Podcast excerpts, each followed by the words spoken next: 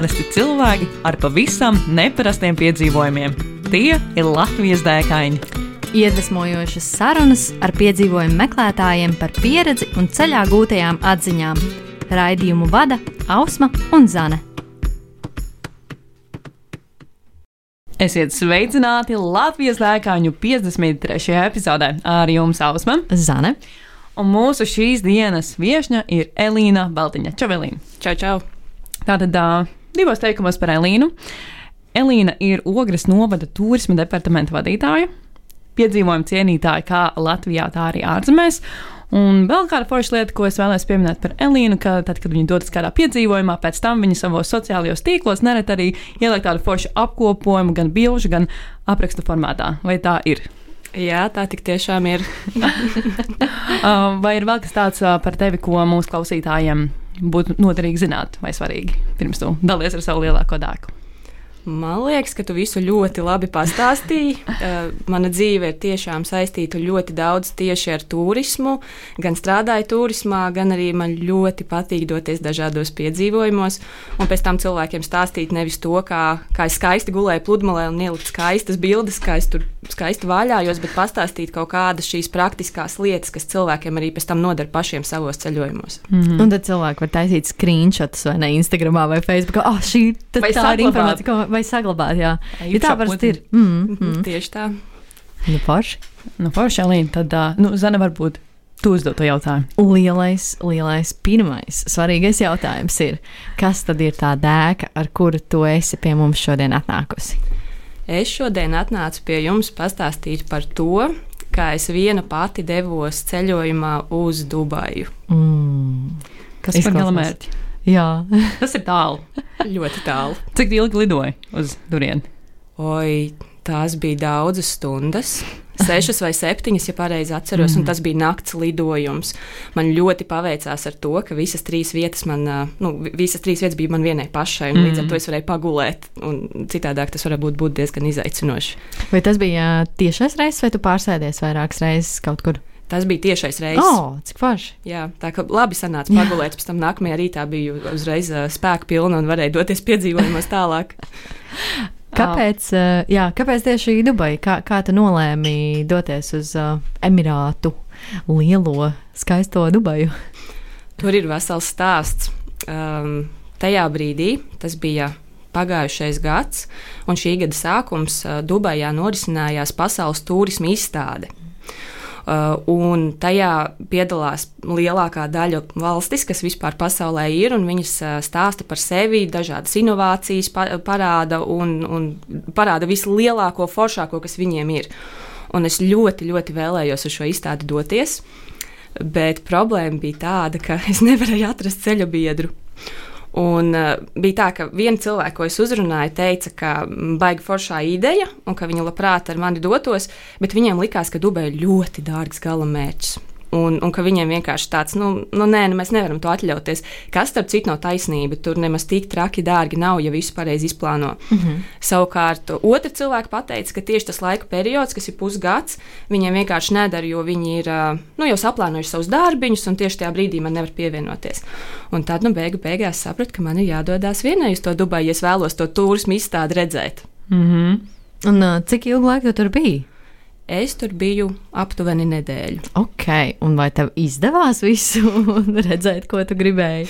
Jā, un pat vairāk nekā to, ko es vēlējos redzēt. Uh, Dubaja ļoti pārsteidz ar savu grandiozitāti. Tur ir vislielākais, labākais, jaunākais un, un nu, nepierastākais. Es citās vietās tādas uh, lietas nebiju redzējusi. Mm -hmm. Un, uh, kā ir uz šādu valsti ceļot pirmkārt, vienai un vienai kā sievietei, vai tu izjūti to, ka tas ir kaut kādā ziņā izaicinoši vai kā bišķiņa tā baisi? Man bija ļoti bail braukt. Es sākumā domāju par to, ka varbūt man nebraukt, ka es nevarēju atrast ceļa biedru. Es sēdēju gultā un, un tā, skatos uz tām biļetēm, kuras pašlaik ir labā cenā vēl pie tam un jāpērk tagad. Un es domāju par visiem tiem stereotipiem, kas man ir par šo valsti. Un es saprotu, ka man liekas, ka sievietei vienai pašai tur doties ir neprāts. Mm -hmm. Un, un, un es sēžu un domāju, nu, ko darīt. Braukt, nebraukt, braukt, nebraukt. Un gribās man to izstādi, nu ļoti gribās redzēt. Un beigās sapratu, ah, labi, nu pamēģināsim. Tā jau redzēs, kā sanāks, un, un tā es devos. Tāds ļoti drosmīgs solis izklausās. Tāds, nu, tomēr tāda saņemšanos bišķiņa prasa ļoti lielu saņemšanos. Man ilgi bija jāstrādā ar sevi, lai es to darītu, bet uh, man tiešām patīk izaicinājumi. Man patīk kāpt pāri tām robežām, un, un tad man nepatīk iestagnēt iekšā savā dzīvē, un labāk ir pamēģināt šīs jaunās lietas, un pēc tam pavērās tik plašs apvārsnis, tas redzesloks pilnībā mainās, un starp citu mans priekšstats par uh, Arābu valstīm kā tādām mainījās pilnīgi uz, uz otru pusi. Mm -hmm. Tur rīte nemaz nav bailīgi doties, un sievietei vienai tur ir diezgan droši. Mm -hmm. Sanāk, ka visu šo nedēļu, ko tu pavadīji tur, tu pavadīji Dubajā, vai tu arī devies tālāk un iepazīsti mazliet tālāk šo valsti? Lielākoties es pavadīju Dubajas apkārtnē un pašā Dubajā, jo nu, nedaudz man tomēr bija tā baila iekšā, kā ir doties vēl uz citām vietām. Turklāt tas bija šī gada sākums, kad es devos, kurā bija covid ierobežojumi dažādi. Mm -hmm. Un tu nemaz nevari doties tā brīvi uz citiem emirātiem, jo apvienotajos Arābu Emirātos ir septiņi šādi emirāti, un katrai savi noteikumi. Ja tu gribi aizbraukt, piemēram, uz Abu Dabī, kas ir turpatās blakus, tev jānokārto speciāla atļauja, un tikai tad tu vari doties. Un tas bija tajā brīdī. Mm -hmm. Varbūt tagad ir mainījies. Un līdz ar to tur uh, vajadzēja ļoti plānot iepriekš. Es vēlējos doties arī citur. Bet Dubaja ir tik liela, un tur ir tik daudz ko darīt, ka man palika vēl nedēļai, ko tur skatīties un darīt. Jā, tu, tu minēji, jā, ka tu tā, es saprotu, ka tu tā rūpīgi saplānoji visu, ko tu gribi redzēt, un tad tu vienkārši mēģināji visu to ielikt tajā vienā nedēļā. Nē, gluži tā nebija. Okay.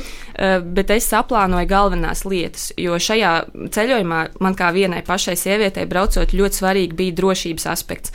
Un, un tāpēc es varbūt plānoju vairāk nekā es to daru ikdienā citos ceļojumos, jo es tiešām, man tiešām bija doma, ka es aizbraukšu uz turieni, ka mani tur nolaupīs un es kļūšu par astoto sievu harēmā un man pēc tam nāksies izglābt.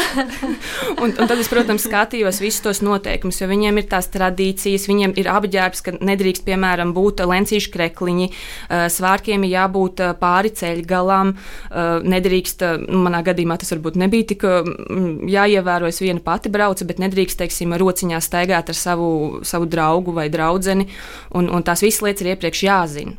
Un, ja tu viņus nezini, tad var gadīties visādas uh, problēmas. Nejauši nokļūt cietumā. Tas, starp citu, ir iespējams arī par to, ka pāriet pāri sarkanajai gaismai. Uh, piemēram, viņiem tiešām ļoti nopietni uz to skatās, un varbūt cietumā nenokļūst, bet sodu gan tā var dabūt arī ārzemnieki. Mm. Mm -hmm. Pašai pieredze nav ar to, ja. Bet... es tam citu riskējumu pārgāju pāri sarkanajai gaismai vairākas reizes, redzēju, ka citi to dara. Bet pēc tam man taksometru šoferis stāstīja, ka tā nekad nedrīkst darīt, jo viņi ir, eh, tie nav policisti kā pie mums, policisti uniformās. Viņi ir cilvēki vienkārši parastās drēbēs, kas stāv visu dienu un skatās. Mm -hmm. Stāv pie stūra, pieņemsim. Un tā kā kāds pāriet pāri, viņi pienāk klāt un saka, hei, draugs, nu ko, ko mēs tikko izdarījām? Mm -hmm. Jā, tā viņi tur dzīvo. Viņiem tā tur ir. Jā. Kas varbūt uh, bija tāda, tāds lielākais pārsteigums esot tur? Dubajā, jo, manuprāt, tā kultūra ir tik atšķirīga no Latvijas, un arī tie laikapstākļi un viss kopumā. Kā, kas varbūt bija tas, kas tev tā uzreiz iekrita acīs? Vislielākais pārsteigums bija tas, ka tuksnesī var būt augsti. es to nebiju gaidījusi. Un uh, bija viena diena, kurā es braucu uz tūkstnesi, saģērbusies, uh, nu, kā jau vasarā, nu, teiksim, tā, tādās diezgan vieglās drēbēs, un es aizbraucu un ir vējš, ir augsti. Un man beigās deva jāku vēl speciāli, jo tur bija tā kā pie mums Latvijā patiesībā vasarās. Un vēl ir tā, ka viņi arī uh, sēja mākoņus. Viņi speciāli, lai cilvēki varētu izbaudīt tādu nu, nosacītu ziemas periodu, speciāli um, panākt to, ka līst lietus. Un vienu nedēļu pirms es ierados, visu nedēļu bija līs lietus, un man stāstīja, kā man ir noveicies, ka tagad ir tikai bišķiņi vē, vēsīgi. Mm -hmm. un, un to es nebiju dzirdējis, ka tā dara. Bet kāds ir sēji mākoņus, kā viņi to panāk? Vai tev pastāstīja kāds vairāk, kā viņi to dara? Kāds YouTube video jā. varbūt? kā iesēt mākoņu? Sēklu iemet zemē. Precīzi to tehnoloģiju es nenoskaidroju, bet cik es saprotu, tad viņi to dara lidmašīnām. Kaut kā viņi tur īsti nesaprot, kā tas līdz galam darbojās, bet jā, viņi tā, kaut kādas speciālās ķimikālijas, un, un tad viņi panāk, ka tie mākoņi izveidojās un šis lietas rodās. Tas ir iespaidīgi. Jā, pilnīgi gribās iegūt. ok, un tu teici, ka ir ļoti svarīgi plānot laicīgi. Cik laicīgi tu sāki plānot šo te uh, ceļojumu? Šo laikam ļoti laicīgi, kādu mēnesi iepriekš. Ah, tas ir ļoti laicīgi. Tas, tas, tas, tas laikam, ir ļoti jā. laicīgi, jā, priekš manis. Um, un uh, galvenais, ko, laiku, kam es veltīju, bija apģērbs. Mm -hmm. Jo, kā es stāstīju, bija iepriekš uh, nu, tātad, um, šie garie svārki, mm -hmm. tur mhm. nedrīkst lencīšu krekliņu.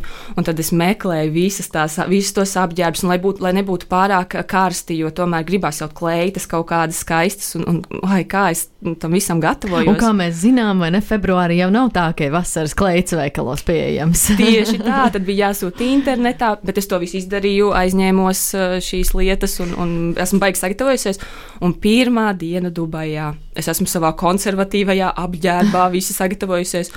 Un pretī man nāk meitene. Lencīšu krekliņā un ar īsiem minisvārkiem. Mm. Un tajā brīdī es sapratu, ka visas tās lietas, ko es biju domājis, ka tur būs, ka tur mm, tiešām nedrīkst, viss ir jāievēro tas viss izrādās bija tikai manā galvā, un tie visi bija tikai stereotipi, jo nekas tur slikts nenotika ar mani. Man liekas, ka tas daudz vairāk ir tieši kaut kādās, teiksim, ēkās, vai tas ir, teiksim, varbūt kādas reliģijas saistītas ēkas, ka tur gan nu tiešām skatās, un jo es arī esmu bijis apvienotajos Arābu Emirātos, tieši ties gan Abu Dabī, un tur ejot uz šādām te ēkām, tad arī turpat uz vietas ir iespējams vai nu izīrēt, vai vienkārši viņi tev izsniedz tādus mm -hmm. kā halātus, kur tev apsedz gan īpaši sievietēm, par vīriešiem es neatceros, bet galva tev ir jāapsedz. Hijabs, droši vien. Un jā, garas piedurknes un līdz pat tā papēžiem. Um, jā, tas man liekas, vairāk tieši kaut kādās ēkš, ēkās iekšā. Jā, jo tas ir interesanti. Es arī esmu bijusi Dubajā pāris reizes, un uh, es atceros, ka pirmo reizi es devos uh, kaut kādā 12. gadā, un tad, tā kā tu saki, tā arī bija. Es atceros, aizgāju to lielo, milzīgo lielveikalu, un tur ir eh, blakus durvīm līfleti, ka, ja jums ir tur eh, īsāks vārki par tiku, un ja jums ir lencīšu krekliņi, jūs nemaz nedrīkstat doties iekšā. Un es biju arī šogad, starp citu, arī kaut kad februāris varētu būt marts. Un, uh, un tu ieej, un tev liekas, wow, šī ir pilnīgi cita valsts. Desmit gadi ir ieviesuši ārkārtīgi daudz izmaiņas. Un liekas, nu jā, ka tie cilvēki arī pakļaujas tam turismam mazliet, bet eh, nu, no otras puses, manuprāt, tas tomēr ir tāda turista atbildība pret to kultūru kaut kādā mērā, ka tu tomēr mm -hmm. nu, saģērbies, tā pieklājīgāk, varbūt nevēlas tos miņukus. es to duboju. Atstāju viņus Itālijai, kur tas ir ok. Bet reizē uh, Dubaja ir visliberālākā no visiem šiem emirātiem, un tad varbūt tā situācija tur ir bišķiņa citādāk. Mm -hmm. Cik es dzirdēju, 10% tikai no visiem iedzīvotājiem ir vietējie tiešām. Un, ja tās 200 nacionalitātes tur dzīvo, tad, protams, tas arī visu nedaudz iz, izmaina šo situāciju, mm -hmm. kas ir ļoti labi. Un arī pats Muhameds um, Šeiks viņu ir diezgan liberāli attīstīts cilvēks. Mm -hmm. Kā bija ar izmaksām? Tu teici, ka, nu, jā, laicīgi saplāno, tik traki jau nemaz nav. Tas mans um, mīļākais jautājums. jā, es Zanai nocēlu. Piedod, Zan. Uh, ja, ja tu esi gatava padalīties ar šo. Uh, bija tā, ka, ja neskaita lidmašīnas biļetes, es iztērēju aptuveni 800, 900 eiro, kas ir diezgan maz. Mhm. Vismaz, uh, cik es zinu, naktsmītnes parasti viena izmaksā 500, 600 eiro. Un tad, ja es visā iekļāvos 900 eiro, oh, wow. tad, eh, tad es, es tiešām uzskatu, ka es esmu ļoti veiksmīgi tikusi cauri mm, ar lētām summām. Bet tas bija tāpēc, ka es atradu naktsmītni, kurā um, es biju dalītajā dzīvoklī, mm. kur es vienu, paņēmu vienu istabu, par ko man starp citu arī bija ļoti, ļoti bail. Jo man likās, ka es jau nezinu, vai tur būs tikai vīrieši, vai tur būs vīrieši un sievietes, un nekāda informācija nav. Es beigās vienkārši paņēmu un noriskēju, jo man iepatikās, ka tas ir 68. stāvs. Wow! Viens no augstākajiem debeskrāpjiem vispār apkārtnē. Jā, oh, wow. Jā un, un vieta arī bija ļoti laba pie promenādes, skaistas. Un, un tad es sapratu, ka lielākoties jau es tajā naktsmītnē nepalieku pa nakti, vai nepalieku pa dienu. Mm -hmm. un, līdz ar to nu, man nevajag iztērēt to milzīgo summu, man pietiek arī ar istabu. Un kā tev bija tiem uh, cilvēkiem sadzīvot? Oi! Kas tu tur bija? Kas bija tas oi? oi. Tur uh, bija tā, ka es ierados vēlā vakarā, un es jau teicu, ka es baidījos par to, ka es nezinu, vai tur būs tikai vīrieši, vai būs jaukti, vai kas. Jā. Un pirmais es atveru durvis 12 naktī. Un man pretī puskails vīrietis gludina savu krēklu. Nu, tieši. Un es tā pilnīgi apjuku, un viņš arī apjuka. Viņš nevienu negaidīja. Bet beigu beigās viss kārtībā, mēs sasveicinājāmies, es aizgāju uz savu istabiņu. Un nākamajā dienā atkal satiku citu vīrieti, kurš uh, kopistabā sēdēja un uh, lūdzās. Mm -hmm. Un es pat nesaprotu, viņu sveicināt, nesveicināt, kā man viņam paiet tagad garām, tā mierīgi. Bet nu, es, es arī viņam pagāju vienkārši garām, un pēc tam, kad viņš pabeidza lūgties, es ar viņu sasveicinājos. Viņš teica, nē, nē, viss kārtībā, neņem mani vērā, es te vienkārši nu, savas, savas darīšanas. Jā, jo musulmaņiem ir šī tradīcija vairākas reizes dienā uh, lūgties. Mm -hmm. Jā, bet interesantākais stāsts bija par toletēm. Jo tā kā es ierados vēl vakarā, neviens man nepastāstīja par to, kādi ir tie iekšējie noteikumi. Mm -hmm un uh, tur ir vairākas toaletes. Manai istabai tuvākā ir tāda netīra, slapja, es nezinu, nu, tāda tiešām nepatīkama. Un es apskatos visu dzīvokli un ieraugu, ka ir viena cita. Tajā ir rozādvielīši, viss tāds ērts, viss smaržo ļoti patīkami. Un es saprotu, ka vakarā, nu, ieiešu mazgāties. Ai, nu, ieju, Esmu tātad, nu, kā jau dušā, plika. Un, un es dzirdu pie durvīm tāds būvs, pamatīgi klauvē. Kāds nu tā, ka durvis grasās bez maz vai izgāzt. Es domāju, ko man tagad darīt? Es taču neko, ko, es neskriešu laukā, netaisīšu vaļā durvis. Labi, izlikšos, ka nu, es nedzirdēju. Ma, nu, mazgājos tālāk. Atkal nākamais būvs un lamu vārdi lamu vārdu es dzirdu, kāds ir ļoti, ļoti dusmīgs. Jā. Nu, neko ātri saģērbos, izgāju laukā, un tur viena meitene, ļoti dusmīga meitene, stāsta man, ka nekādā gadījumā nedrīkst šo toleti izmantot. Man ir paredzēta tā, kas ir tuvāk manai istabai, un nekad mūžā es nedrīkstu izmantot šo. Bet viņi pamatoja, kāpēc, vai vienkārši tu nedrīksti? nu, kā izrādās, tur ir sadalīts, ir dažādas šīs istabiņas, un mm. istabai tuvumā ir viena tolete, un mm. katrs par to toleti rūpējās. Mm. Un man pagadījās tā, kur blakus ir eh, tas cilvēks, kas lūdzās, tātad vīrietis, un vēl tas laikam puskailais vīrietis. Un, nu, kā jau čāļi, viņi to īpaši nekopīja. Un, un citās nedrīkst iet. Jā. Jā, bet es tur maz laika pavadīju, un uh, tik daudz kā varbūt priecājos par skatu no 68. stāva, un man bija balkons. Uh, bet, nu, protams, dzīvot kopā ar citiem cilvēkiem vienmēr ir nu, gadās jautri stāsti. Kas varbūt uh, vēl tā, tā palicis atmiņā no tava Dubajas brauciena, kuru tagad atceroties, varētu pateikt, jā, šis bija totāli tā vērts. Nu, pati izstāde bija tā vērta. Mm -hmm. um, tā bija tā lielā ekspo, ja, kas ir uh, 2022. Uh, viņa, tā bija 2020 izstāde, kas notika ah. 2022. gadā, mm -hmm. jo Covid mm -hmm. laikā tur nedaudz mainījās tie viņa plāni. Mm -hmm. uh, bet pati izstāde bija ļoti apbrīnojama, jo tur uh, tiešām bija vislielākās lietas, visjaunākās uh, inovācijas. Un, piemēram, es ļoti atceros, bija Šveice, Šveices stends, kurā bija radīta imitācija, kā cilvēks kāpj kalnā.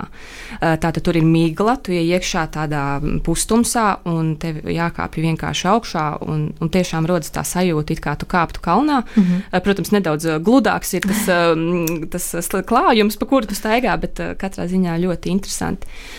Vai arī, piemēram, pašā apvienoto Arābu Emirātu teltī izstādes stendā bija sanestas smiltis. Mm -hmm. nu, likās, ka tiešām viss tūkstnesis ir pārnests uz turieni, jo, jo viss bija smiltīs, un cilvēkiem arī radās šī sajūta par to, ka viņi atrodas citā vietā, nevis šajā ekspo. Mm -hmm. Jā, un tur ļoti skaisti bija. No nu, Latvijas arī bija kāds stendiņš. Protams, ka bija, jā, un es arī uz turieni aizgāju. Man pastāstīja par visām lietām, kas ir Latvijā vispār tādas arī inovācijas, par daudzām es nemaz nezināju, un tas arī bija ļoti, ļoti forša pieredze. Ir kāds piemērs, ko tu atceries par kādu inovāciju, kas ir tepat Latvijā? Hmm, tagad nekas īsti nenāk prātā.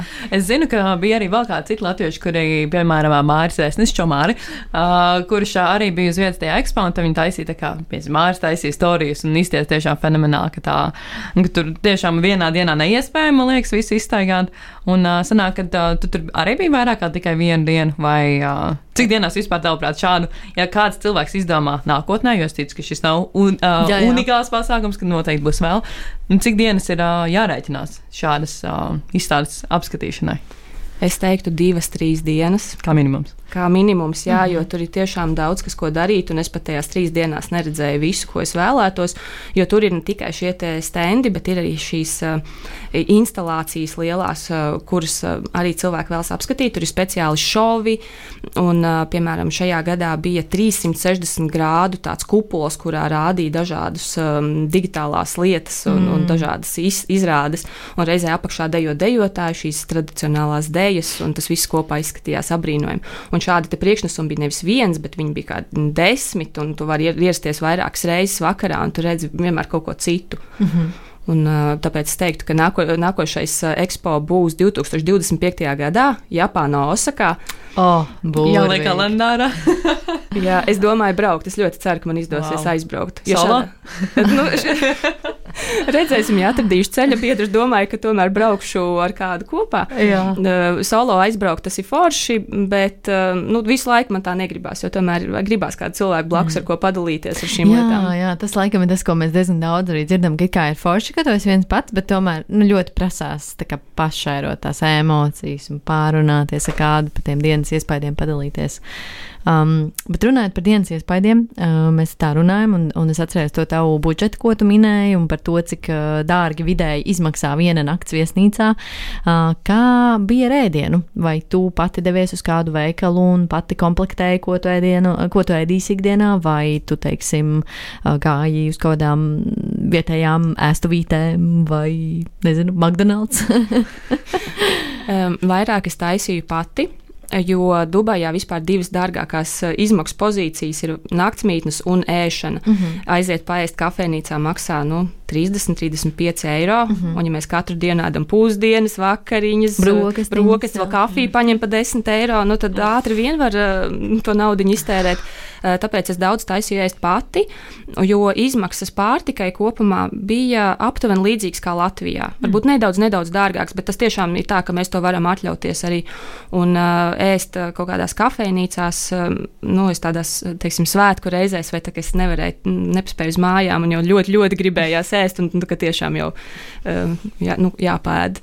Un tāpat arī par izmaksām, piemēram, apskates objekti savukārt man likās, ka būs dārgi, bet izrādās, ka viņi nemaz nebija dārgi, mm -hmm. jo ir ļoti daudz bezmaksas šovi. Mm -hmm. ir, eh, bija dronu šovs, bija eh, uguņošanas, un galvenais ir tikai aizdoties uz kādām šīm vietām um, pilsētā, un, un tu vari paskatīties brīv, pa, par brīvu ļoti daudz dažādu lietu. Mm -hmm. Un tāpēc arī daudz naudas ietaupījās, jo mēs vienkārši gājām bez maksas izbaudīt -hmm. lietas, kas, ko piedāvā pilsēta. Vai eh, tev kā turisma departamenta vadītājam Uh, bija arī tāda sautīga interese mazliet paskatīties, kas notiek Dubajā, vai tomēr vairāk uh, tiešām atpūties un centies iedvesmoties jaunām idejām? Vairāk jau tā bija iedvesmošanās, bet, protams, ka es kā speciālists vienmēr skatos uz to, kā citi dara lietas. Un šis ir piemērs, kā darīt. Nu, vislabāk, principā, un Dubai pati par sevi uh, ir tikai 50 gadus veca vai jauna, kā uz to skatās, un viņi šajā brīdī ir panākuši to, ka viņi ir viena no attīstītākajiem arī turismu objektu ziņā. Un uh, tad es arī, protams, skatījos, uh, kā viņi to ir izdarījuši. Nu, izrādās, ka viņiem nemaz nebija nafta. Es mm -hmm. uh, biju domājis, ka visi, visi Emirāti ir kļuvuši bagāti un, un, un tam naftas dēļ, mm -hmm. bet izrādās, ka ka tā nav, ka Dubajai nebija naftas. Un līdz ar to sanāk tā, ka viņi uh, vienkārši radīja neko no tā, ka viņi vienkārši sāka ar ekonomiku strādāt, nu, teiksim, mm -hmm. tirzniecību vairāk. Um, vēl par uh, turisma objektiem runājot, nu, ok, ekspo, protams, tur ir visādi šovi un tā tālāk, bet es pieņemu, ka tu biji gan jau arī uz kādām ēkām vai uz kaut kādām citām interesantām vietām, un varbūt mūsu klausītājiem var iedot tādu nu, top 3 uh, ar vietām, kuras aizbraucot uz Dubaju, nu, toķi jāapskatās, vai no āras, vai no iekšas.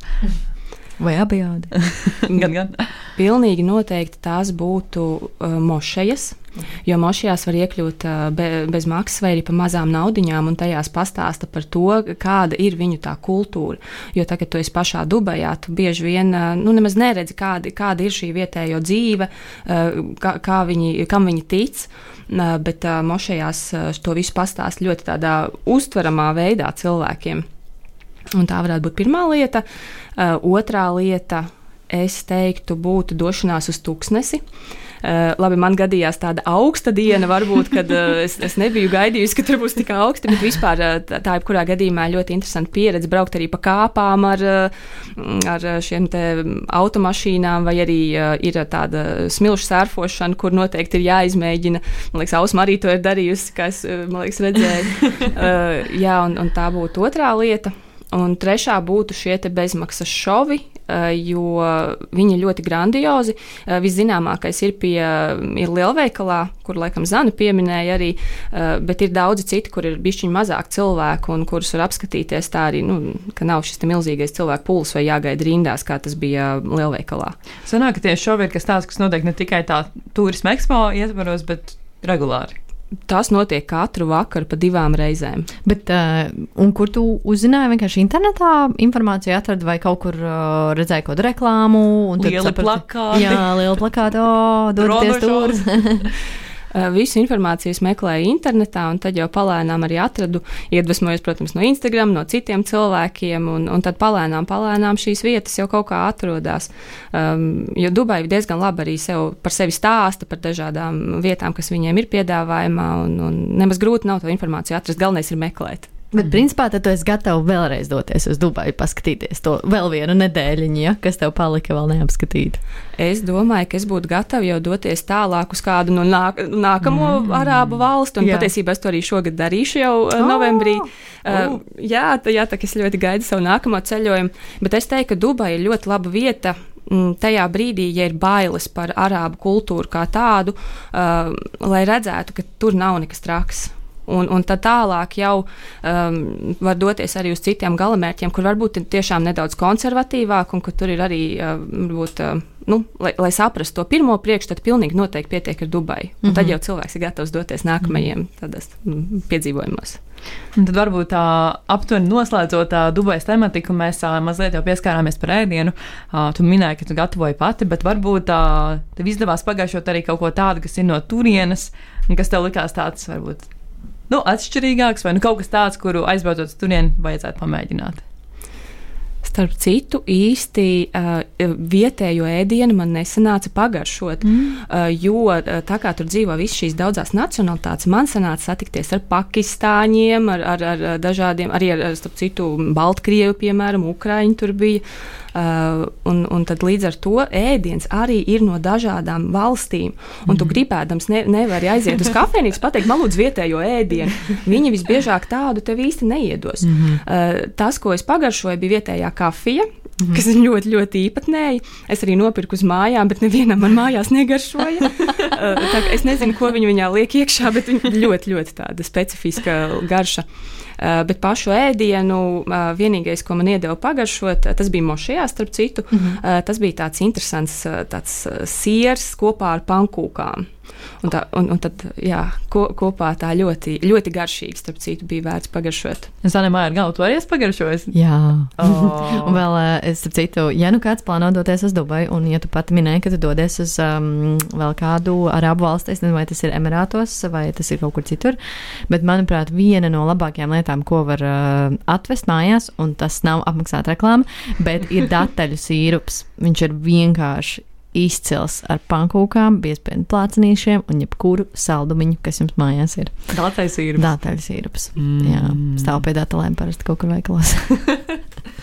nu, un, un es no savas puses ieskicēšu, ja izdodas kādus vietējos augļus pagaršot. Mm. Jā, perfekti. Jā. Mango un vispārējais. Jā, jā, tieši tā. Tikai vietējie ir, nu, tā kā ievesti, man liekas, no kaut kurienes. jā, bet, bet viņi ir ļoti garšīgi. viņi ir daudz labāki un gatavāki nekā Latvijā, jā, jā. Tā kā jā. Nu, super. Nu, ja jau par Latviju, tad, uh, Elīna, mums, uh, mums ir vēl viens jautājums, ko uh, te uzdod. Mums uh, interesē, protams, vai tas būs saistīts ar ogri vai nē, tā atbilde. bet, uh, bet jā, mūsu jautājums tev, uh, kas būtu piedzīvojums, kuru tu klausītājiem ieteiktu piedzīvot šeit pat Latvijā? Nu, jūs daudz pieminējāt ogri. un, un, man tiešām ir paveicies ar to, ka ogres novadas pārzina tā, ka man liekas, esmu katru akmeni pārcilājis, katru mazāko celiņu izbraukājis. Un, uh, mans uh, ieteikums arī būs par šo teritoriju, bet nevis uh, ap pilsētu, bet diezgan daudz tālāk uz uh, novada tālo galu, kas jau ir nu, vairāk jau pie ērgļiem, pie vidzemes augstienes. Mhm. Un, uh, tur es ieteiktu paņemt savus velosipēdus un izbraukt velo maršrutu numuru 163. tas ir pieraksts. uh, tas ir atvērts pagājušajā gadā, līdz ar to pilnīgi jauns un atrodas dabas parkā Ogres ielai. Mm -hmm. Tā ir ļoti, ļoti skaista teritorija. Uh, tur jau ir reliefs nedaudz, jo vidzemes augstiena ir sākusies, tur ir ogres upe, un pats labākais - tur vēl nav cilvēku. Mm. Pēc šīs epizodes. Ak, nē, aizmirstam, kas tur cits skaitlis. es jau par to ļoti baidījos, ka tā ir mana vismīļākā vieta visā Ogres novadā. Un tad, kad es tur aizbraucu, man ir sajūta, ka es esmu tāds pirmatklājais, pie, vienīgais cilvēks. Man tur apkārt varbūt ir kaut kādi meža dzīvnieki, stirna pārskrien pāri ceļam, bet es tur esmu viena pati. Un tur ir uh, skaista uh, dabas ainava. Viņa ir daudzveidīga, jo maršruts ir 30 km garš. Mm -hmm. Sanāk, sākums ir ogres mūžā. Tā ir vecās mūžas vieta, kur, starp citu, arī dažas drupas no saimniecības ēkām ir palikušas. Un tad uh, ceļš turpinās pa tādu nedaudz dublīti, visdrīzāk, ja būs uh, slapi laikapstākļi, bet pēc tam ir arī asfalts, uh, protams, var nopirkt saldējumu vietējos veikalos. Un pats labākais ir tas posms, kurā tie cilvēki vispār nav, un tas varētu būt pirmie desmit kilometri. Un man tur, piemēram, ir viens no visnetipiskākajiem gadījumiem, vispār, ko es Latvijā nebiju piedzīvojis. Es braucu viena pati pa ceļu, un pēkšņi redzu milzīgs aitu bars priekšā. Nu, milzīgs! Jā. Un, un es apstājos, un, un viņas mani dzird, un viņas nobijās, un viņas skrien pāri ceļam. Tas milzīgais bars, tāds balts mākonis, tur, tur, tur, tur, un viena melnaitiņa tā čing, čing, čing, arī aizskrien. Nu, lūk, un, un es kādas divas minūtes gaidīju, kamēr tās aitas pārskrien pāri tam ceļam. Jā. Un tad es sapratu, ka tā ir saimniecība, kur vienkārši cilvēku ir tik maz, mm -hmm. ka viņi žogus nav uztaisījuši. Wow. Mm -hmm. Jā, un tā ir ganīties pa visurienu. Jā, jā, un viņas gan jau pārāk tālu neskrien, vienkārši no viena ceļa puses uz otru. bet, ja kāds cilvēks ir, tad nu, tādus skatus tur var redzēt.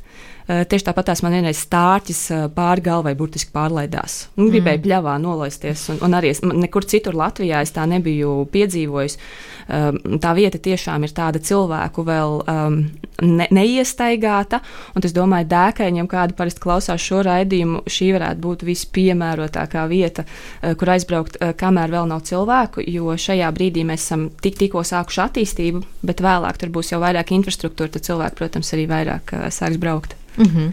Vai tur ir arī kāda vieta, kur palikt pa nakti vēl, vēl maršrutā tajā mm, garumā, vai nē? Tur, Respektīvi, vai tur varbūt ir kāda kempinga vieta, vai vienkārši kur vieta, kur uzcelt kādu telti. Jā. Hamaku noteikti būs, kur iekarināt. Tur, tur tādas vietas ir daudz. Jā, koki ir um, tādas naktsmītnes um, 30 km garumā kaut kur ik pa brīdim ir, bet ir jāmeklē. Mm -hmm. Es zinu, ka viena saimniecība, kas ir tieši pie ogres mūžas, arī labprāt uh, ir gatava, teiksim, telšvietas uh, nodrošināt. Mm -hmm. uh, bet tādas viesnīcu tipu, piemēram, tur vēl pagaidām, man liekas, apkārtnē nav. Mm -hmm. Bet tieši tāpēc jau tas izaicinājums un foršais, ka tur cilvēku nav.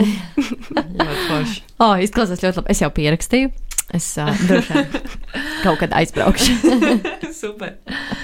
Nu, Forši, Elīna, mīļš, paldies, ka atnāci un padalījies uh, par savu dēku, par uh, Dubaju, gan arī par šo ļoti konkrēto velo maršrutu ieteikumu. Man liekas, ir tik superīgi. Jā, un jūs, klausītāji, esat drosmīgi kā Elīna un dodaties dažādos piedzīvojumos arī vieni paši, kā izklausās, uh, ka var mainīt dažādas stereotipus un uh, mainīt pārliecības.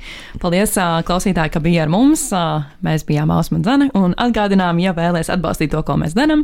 Priecāsimies, ja uzsauksi mums krūzīti kafijas, paimie kafijas, līpsvītra um, Latvijas dākaini. Jā, precīzi. Jā. un tad jau mēs tiekamies nākamajā epizodē pēc divām nedēļām. čau, čau! Paldies! Tā. Ko tu parasti dari, kad dodies pārgājienā un tev reāli apnīk? Nu, es laikam sāku dungot patu, patu, patu, patu, patu, na na na, patu, patu, na na, patu, patu, na na.